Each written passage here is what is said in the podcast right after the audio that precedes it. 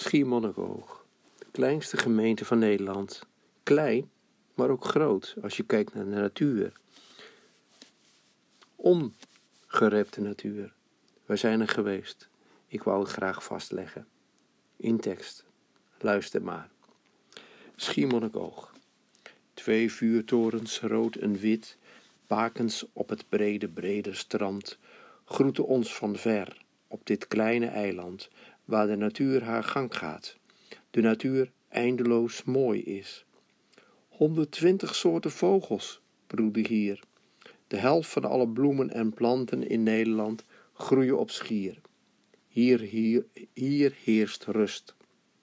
De fiets is hier de baas. Ook wij fietsen hier. Onderweg vangen onze ogen zoveel. Walviskaken in het dorp. Ze herinneren aan de walvisjacht het beeld van de monnik, de lange streek met de prachtige eilanderhuisjes, de vogelhut aan de Westerplas. De stilte reist met ons mee. Alleen onze banden knarsen op het schelpenpad. Koeien kennen geen prikkeldraad, lopen los in het malse gras. Schapen grazen naast het fietspad. De wind speelt met onze haren en streelt onze gevoelens.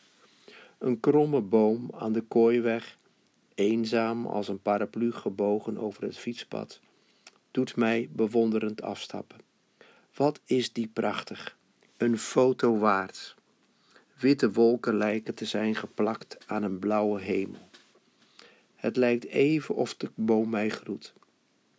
Ik stap op en rij Hetty achterna. Ik kijk nog even achterom. We gaan verder. We wanen ons in een ver buitenland.